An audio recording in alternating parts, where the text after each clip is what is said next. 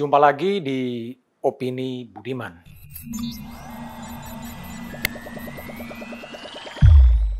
Kisruh di tubuh KPK tak kunjung usai.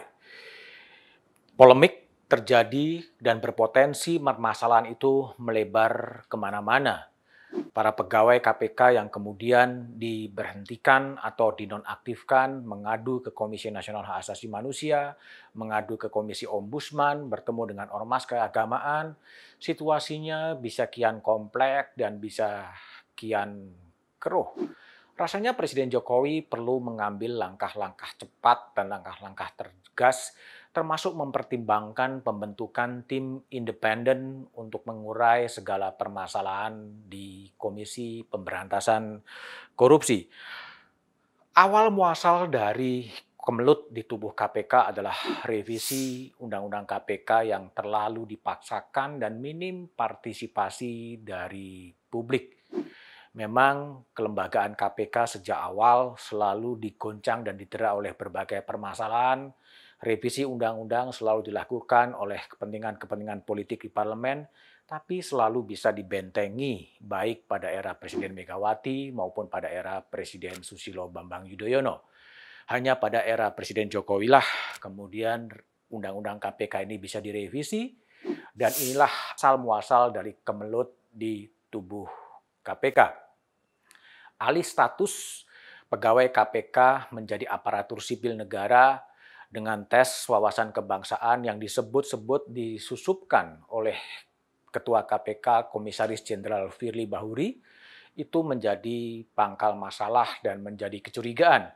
Meskipun pimpinan KPK yang lain menganggap ini dibahas secara kolektif dan kolegial oleh pimpinan KPK. Ini adalah masalah yang tidak pernah bisa terselesaikan dan kian menjadi masalah ketika petunjuk ketika perintah dari Presiden Jokowi seakan-akan diabaikan oleh pimpinan KPK, Komisaris Jenderal Polisi Firly Bahuri, Badan Kepegawaian Negara, dan Kementerian Pendayagunaan Aparatur Negara. Meskipun Ketua KSP Muldoko mengatakan tidak ada yang diabaikan dari perintah Presiden. Perintah Presiden sebenarnya cukup jelas bahwa hasil tes wawasan kebangsaan tidak dijadikan alasan untuk memberhentikan pegawai-pegawai KPK. Tapi faktanya kemudian mereka sampai sekarang dinonaktifkan. 271 pegawai. Alhamdulillah sesuai dengan catatan dan berkat dukungan semua insan KPK, 1271 pegawai hadir dan mengikuti prosesi pelantikan pegawai KPK menjadi ASN.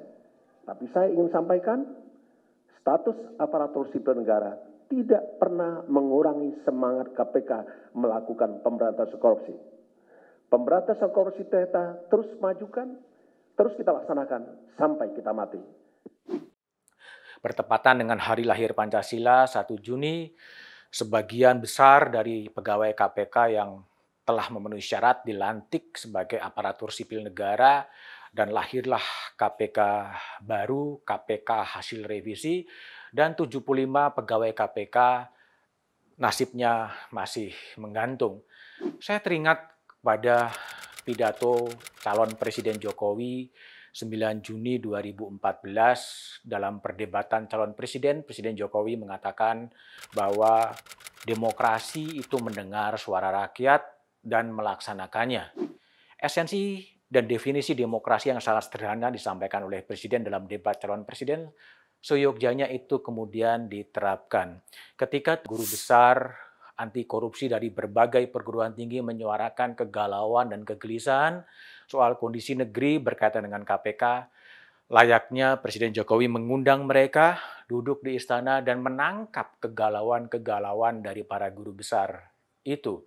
Dan dari sana boleh jadi kemudian Presiden Jokowi menemukan solusi, solusi politik termasuk membentuk tim independen untuk mengurai dan mengusut permasalahan yang ada di KPK. Tim independen untuk KPK bukan pertama kali terjadi pada era Presiden Susilo Bambang Yudhoyono. Presiden Yudhoyono juga membentuk tim independen yang diketuai oleh advokat Adnan Buyung Nasution untuk menyelesaikan kemelut di tubuh KPK pada waktu itu ketika terjadi kriminalisasi pimpinan KPK Bibit Samatrianto dan Chandra Hamsah.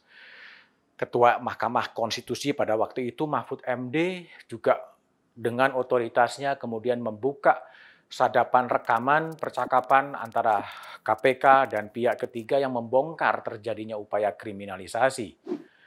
Pada era Presiden Jokowi juga pernah dibentuk tim independen untuk mengatasi juga konflik antara KPK dan kepolisian. Rasa-rasanya saat ini kemudian Presiden Jokowi perlu kembali mempertimbangkan pembentukan tim independen.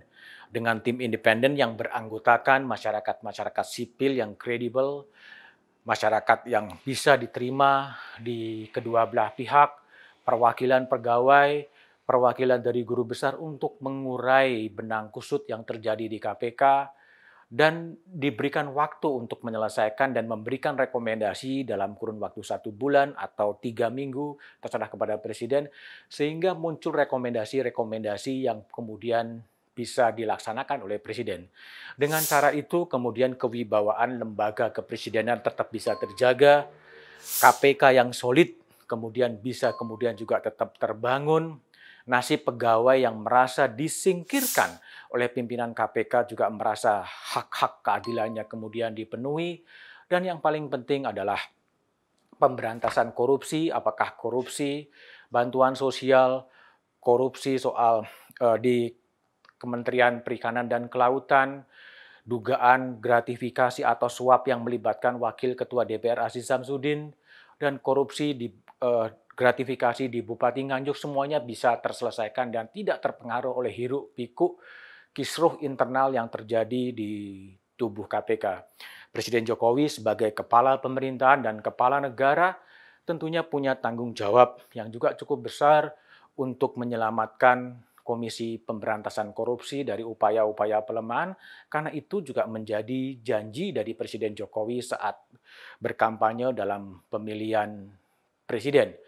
Harapannya kembali berdialog dengan para guru besar, menemukan solusi sehingga permasalahan ini bisa tuntas karena jika tidak tuntas isu ini pasti akan terbawa dan bisa mengganggu stabilitas politik bahkan sampai kepada pemilu di 2024. Namun apa pun yang terjadi janganlah pernah lelah untuk tetap mencintai Indonesia.